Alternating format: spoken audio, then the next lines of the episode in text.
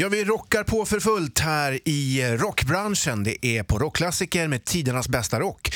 Du, jag har tänkt på en sak Ian. Glenn Hughes har vi ju spelat med på 90-talet. Ja visst, vi gjorde några turnéer där och eh, ja, trevligt. Mm. Då hade han alldeles eh, innan det blivit ren så att säga från sitt kokainmissbruk. Han hade ju egentligen bara suttit hemma och snortat kokain i mängder i flera års tid.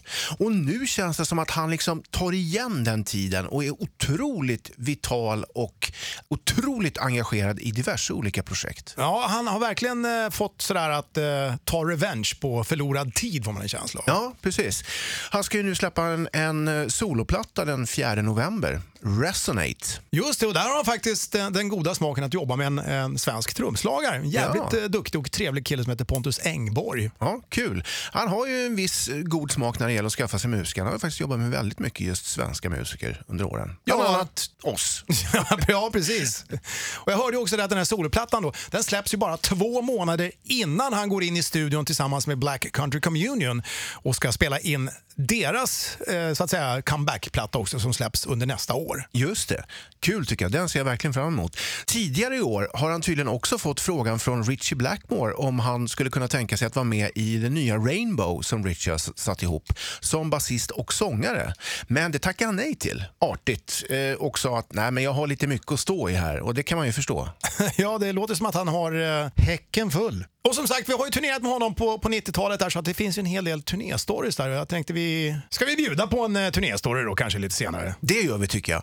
Men nu går vi vidare i rockklassiker med tidernas bästa rock. Det är rockklassiker här och det är rockbranschen här och det är Ian Haugland och det är... Mick Mikaeli. Vi ska som utlovat bjuda på lite turnéminnen som vi har gemensamma. Eh, du och jag med Glenn Hughes. Just det. Då tänker jag mig, jag minns när vi, vi spelade i Japan och vi hade en spelning i Tokyo. Man måste förstå Glenn, han har suttit ensam och snortat kokain på ett rum i flera års tid. Nu plötsligt kommer han ut och ser att det finns en värld där utanför. Och då har han tydligen fått upp ögonen för någonting som kallas för crowdsurfing. Just det, just det. Vet du vad det är? Ja, det är ju där man ställer sig på scen och, och faller bakåt och så låter publiken ta emot den och bära en så att säga. Just precis. Fly, Man- man... flyter på publikhavet. Ja, exakt. Och han fick en briljant idé när vi spelade i Tokyo och kände att mot slutet av konserten skulle han crowdsurfa. Så han ställer sig längst fram på scenen och börjar falla framåt. Men de artiga japanerna i publiken de går ju åt sidan för att så, släppa fram honom som någonting så, så han faller rätt, rätt ner i golvet så det dammar om det. Och så ställer sig upp och borstar av sig lite. Dänga en blåval i golvet alltså. Ja, han var ganska stor på den tiden dessutom. Och vi i bandet, vi bara stod uppe på scenen, pekade och garvade åt honom. Ja, gjorde vi verkligen det? Ja, jag tyckte det var, oh, jag, jag, jag för mig att vi tyckte att det där var rätt kul. Alltså. Ja.